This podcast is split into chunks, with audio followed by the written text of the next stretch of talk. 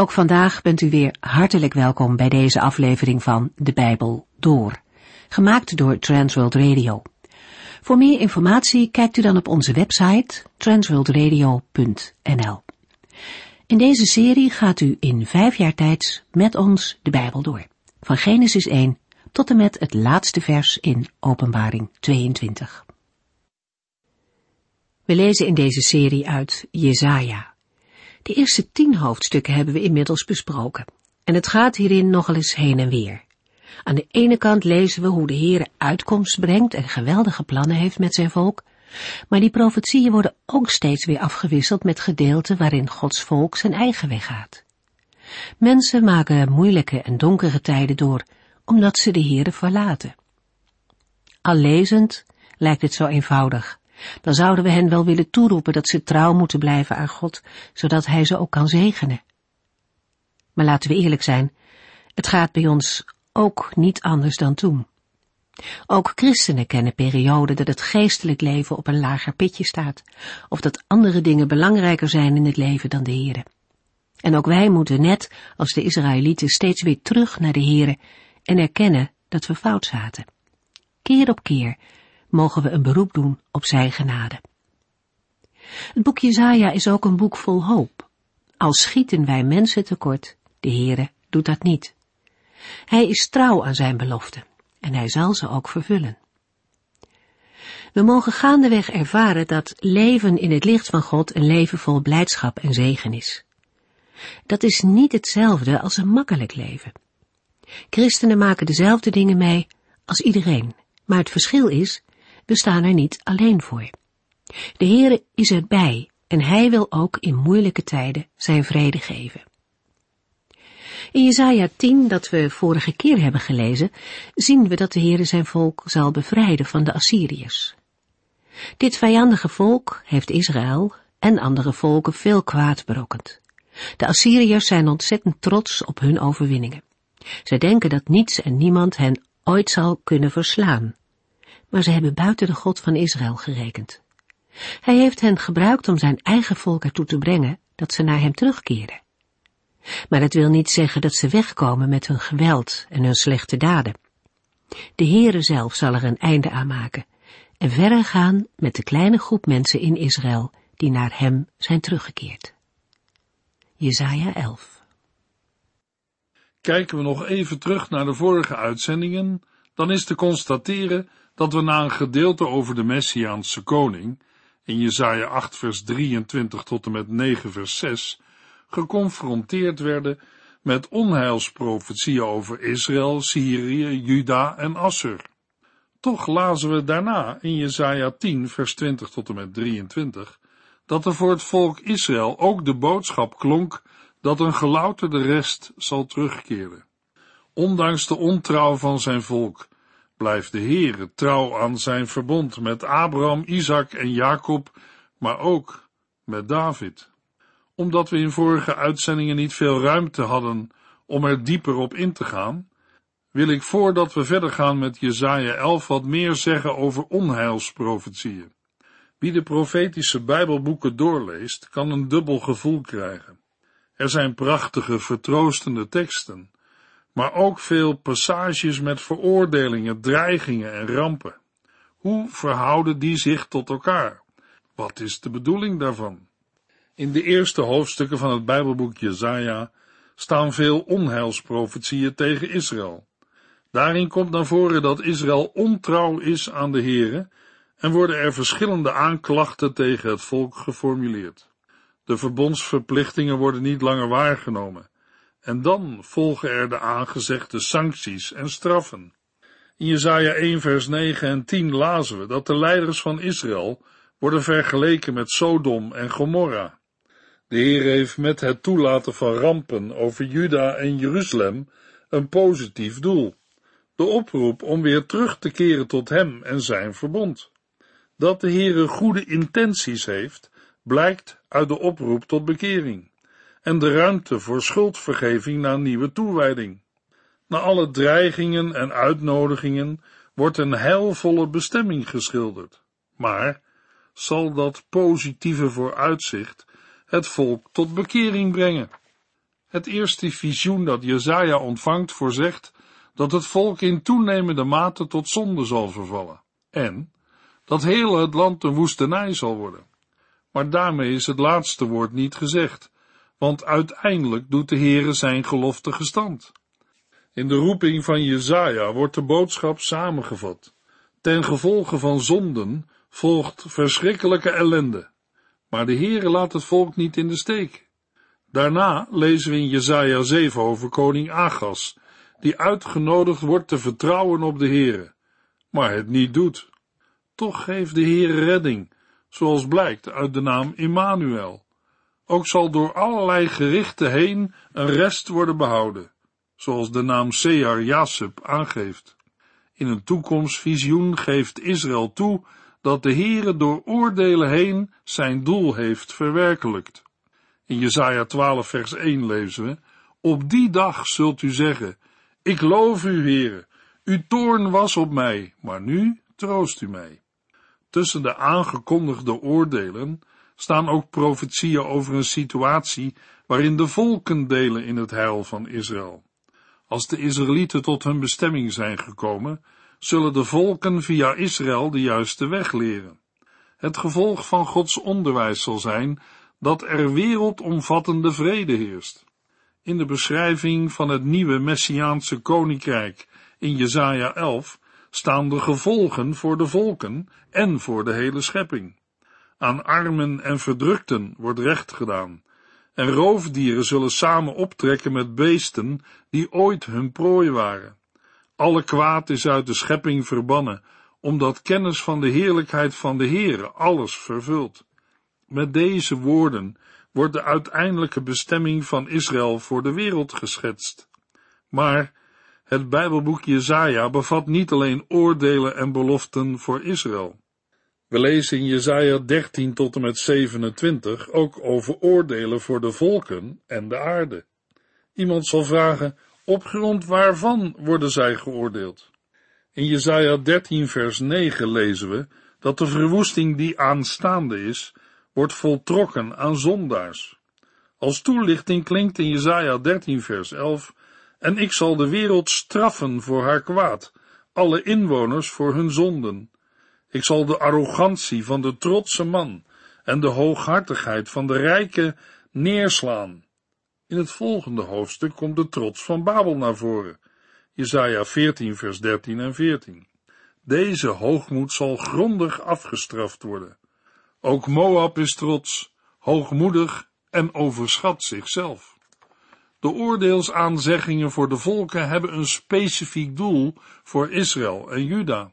Zij worden daardoor aangezet niet te vertrouwen op omringende volken als coalitiepartners tegen het wrede en overheersende Assur.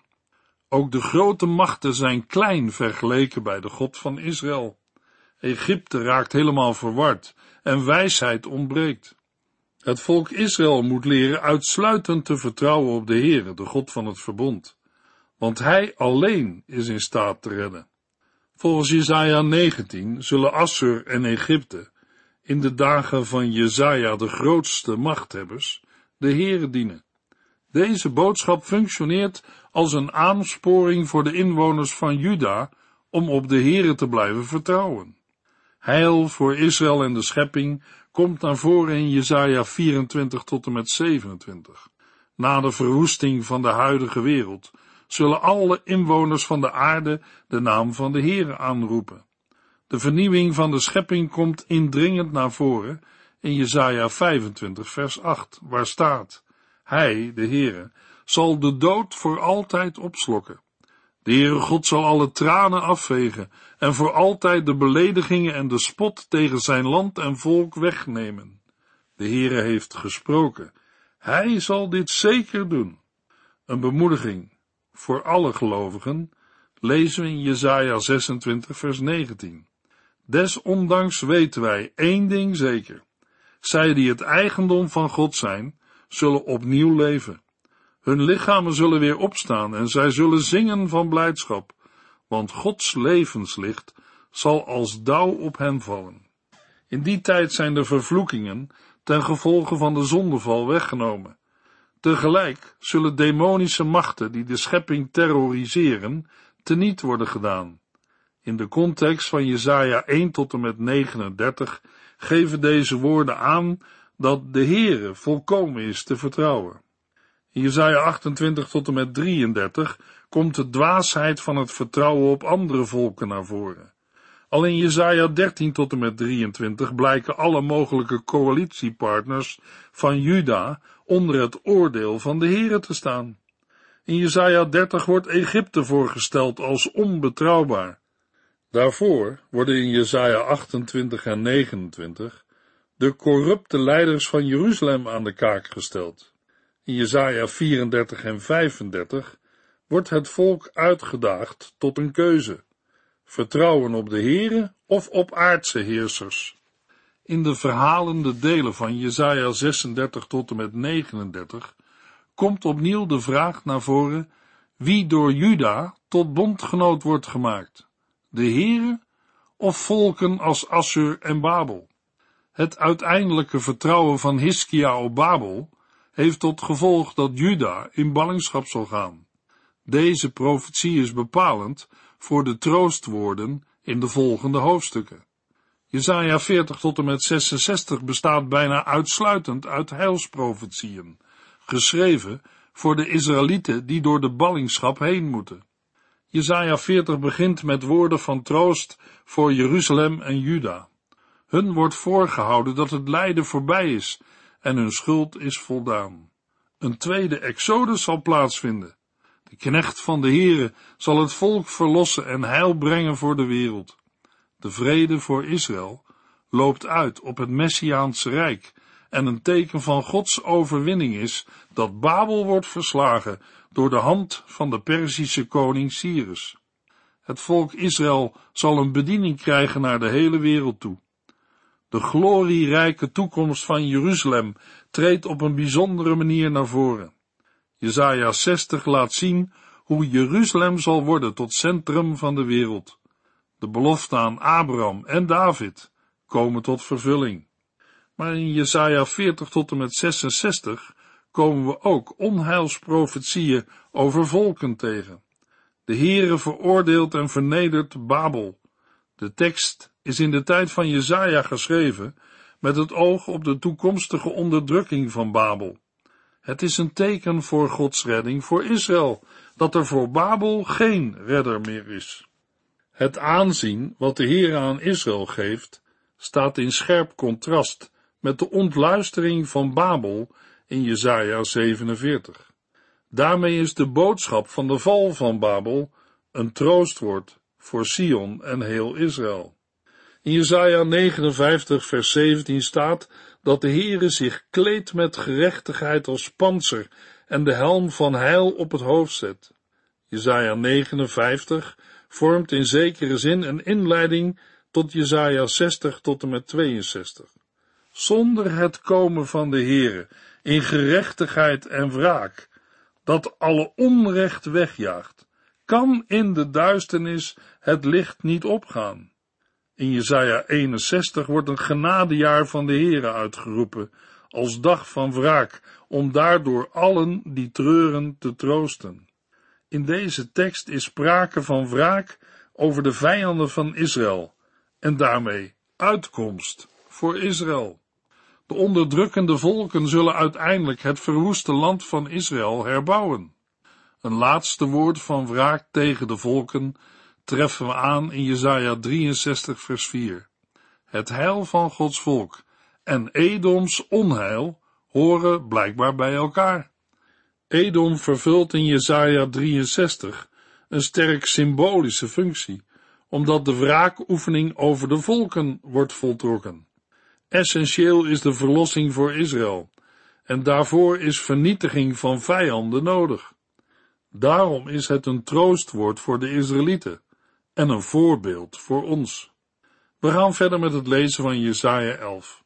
In Jesaja 11 wordt de belofte aan het huis van David in Jesaja 7 vers 14 en Jesaja 8 vers 10 dat de Heere bij zijn volk zal zijn, verder uitgewerkt. Ook wordt voortgebouwd op de korte heilsboodschap die Jezaja in een visioen ontving, dat de afgehakte stronk van Isaïe voor nieuw leven zorgt. Jesaja 11 behandelt drie belangrijke onderwerpen. In Jesaja 11 vers 1 tot en met 5 gaat het over de toekomstige heerser uit het geslacht van David. In de versen 6 tot en met 9 over zijn rechtvaardige en vredevolle regering. En in Jesaja 11 vers 10 tot en met 16 gaat het over het verzamelen van de volken door en bij de heren. Jesaja 11 vers 1 Maar uit de stronk van Isaïe, de omgehakte boom van David, zal een scheut groeien. Een nieuwe vrucht bloeit op uit zijn wortels. Jezaja kondigt aan dat uit de stronk van Isaïe een scheut of twijg zal opgroeien en dat uit zijn wortels een lood vrucht zal dragen.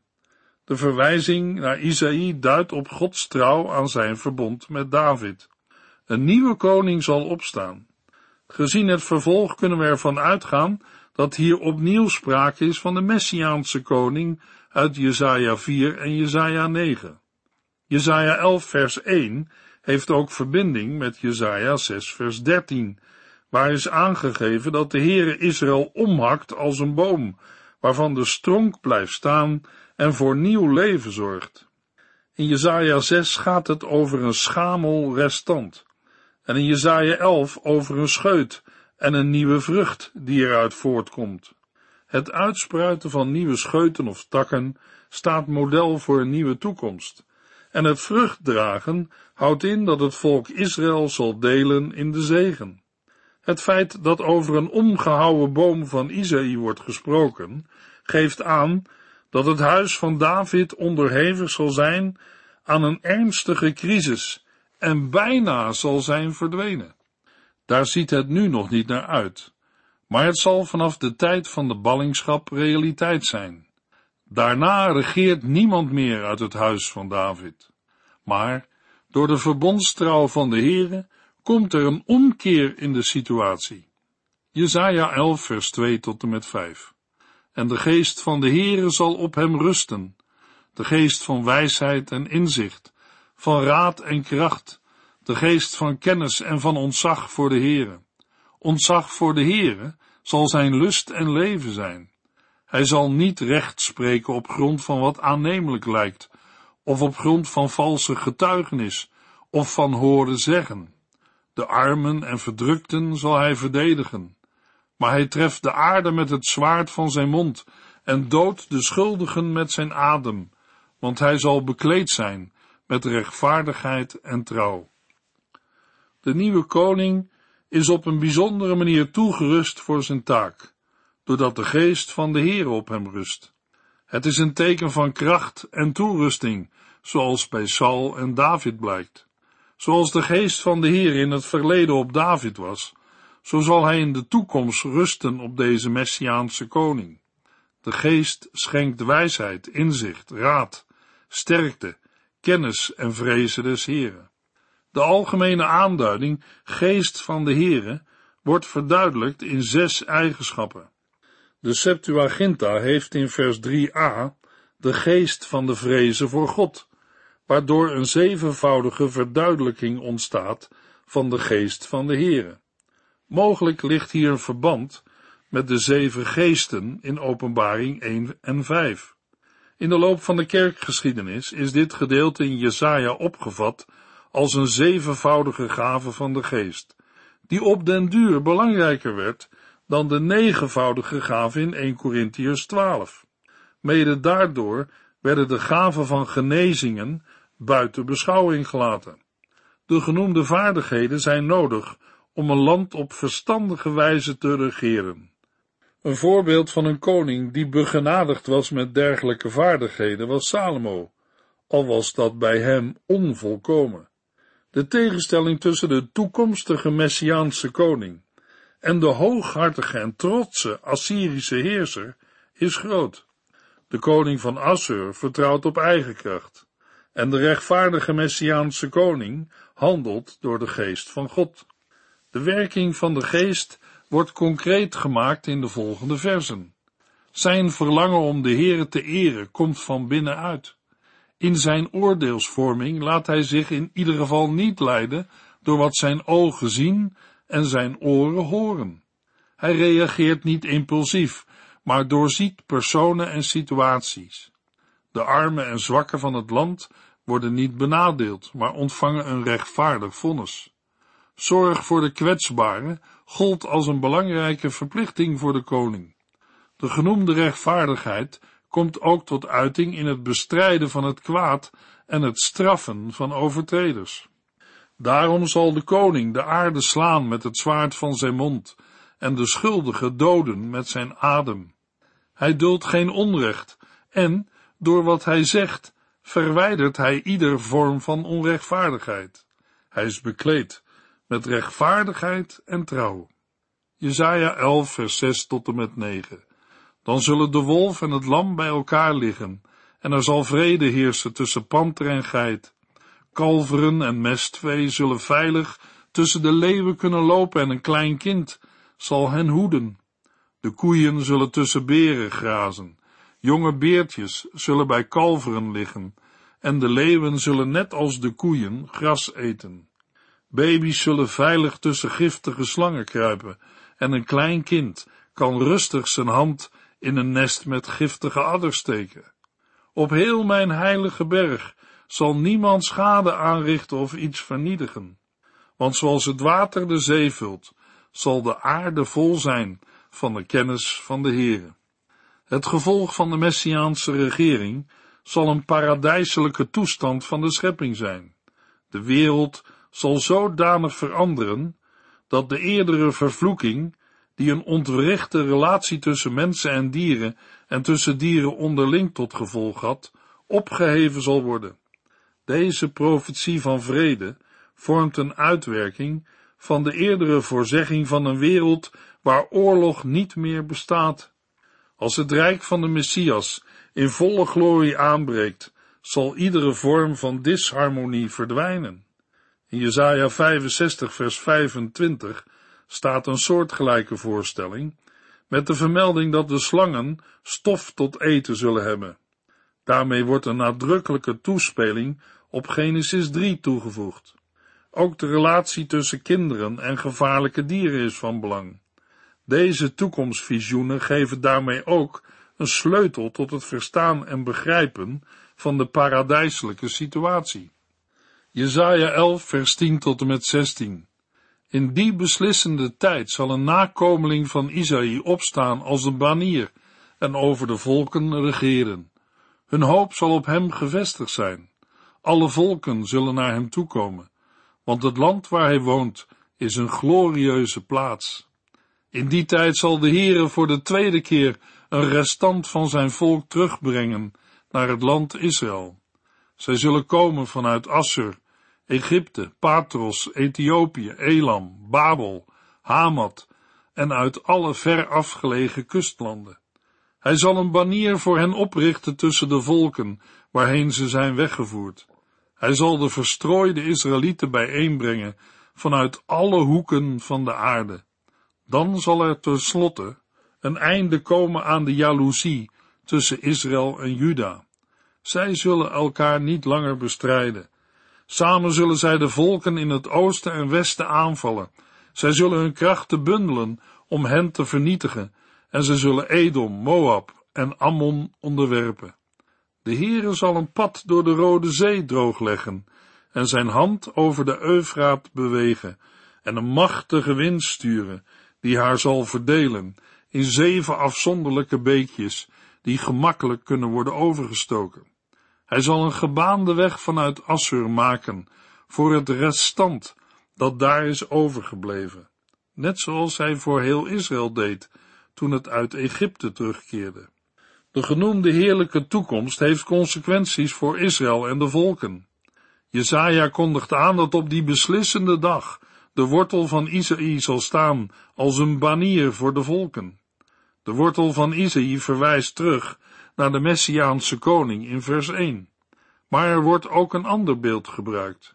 Hij is niet alleen iemand die als een twijg voortkomt uit Isaïe, maar ook als wortel aan hem voorafgaat en zijn nageslacht mogelijk maakt. Hij zal een centrale rol spelen in de hele wereld Hem zullen de volken van de wereld zoeken en zijn rustplaats zal glorieus zijn. Er gebeurt nog meer op die beslissende dag. De ballingen mogen terugkeren vanuit Assur, Egypte, Patros, Ethiopië, Elam, Babel, Hamad en uit alle veraf gelegen kustlanden. Eerder heeft de Heere zijn hand uitgestrekt om Juda te oordelen, en later doet hij hetzelfde om te bevrijden. Deze troostrijke woorden zijn gesproken nadat de Assyriërs vele Israëlieten in ballingschap hebben weggevoerd. Maar de Heere zal een banier onder de volken opheffen, en hij zal de verdrevenen van Israël verzamelen. Jezaja 11 is een troostrijk hoofdstuk en geeft aanvullend inzicht over de Messias ten opzichte van eerdere vermeldingen. Tegelijk worden beschrijvingen van een bijzondere toekomst in Jesaja 2, 4, 9 en 10 uitgebreid. Er is sprake van een voortgaande openbaring, waarbij het van belang is de verschillende beschrijvingen met elkaar te verbinden. Verderop in Jesaja zal nog meer worden geopenbaard, onder andere over de knecht des Heren. Jesaja 11 getuigt van Gods trouw aan het verbond met David. De Messiaanse vorst wordt door de Heere toegerust voor zijn taak en zal Israël herstellen. De ballingen zullen uit allerlei hoeken van de aarde terugkeren. Als de Messias regeert, verdwijnt de eerdere vervloeking en wordt de wereld een veilige plaats. Uiteindelijk zal het geweld voorbij gaan. Deze beloften zijn ook voor latere gelovigen van belang. De Heere zal door oordelen en gerichten zijn koninkrijk vestigen. Tijdelijk kunnen we ons verlaten voelen, maar hij gaat door met zijn werk om zijn toekomst te realiseren. In de volgende uitzending lezen we Jesaja 12 en 13. U heeft geluisterd naar De Bijbel Door, in het Nederlands vertaald en bewerkt door Transworld Radio. Een programma waarin we in vijf jaar tijd de hele Bijbel doorgaan. Als u wilt reageren op deze uitzending of u heeft vragen, dan kunt u contact met ons opnemen. Tijdens kantooruren kunt u bellen op 0342 478432. 0342 478432. Ook kunt u een e-mail sturen naar de at transworldradio.nl en natuurlijk kunt u ook via de post ons bereiken. TWR, postbus 371, postcode 3770, AJ in Barneveld. Dit programma werd gepresenteerd door Cor Weda en Ike André. Techniek was in handen van Odin van Voerkom. En wij allemaal bedanken u voor het luisteren. Graag tot de volgende keer.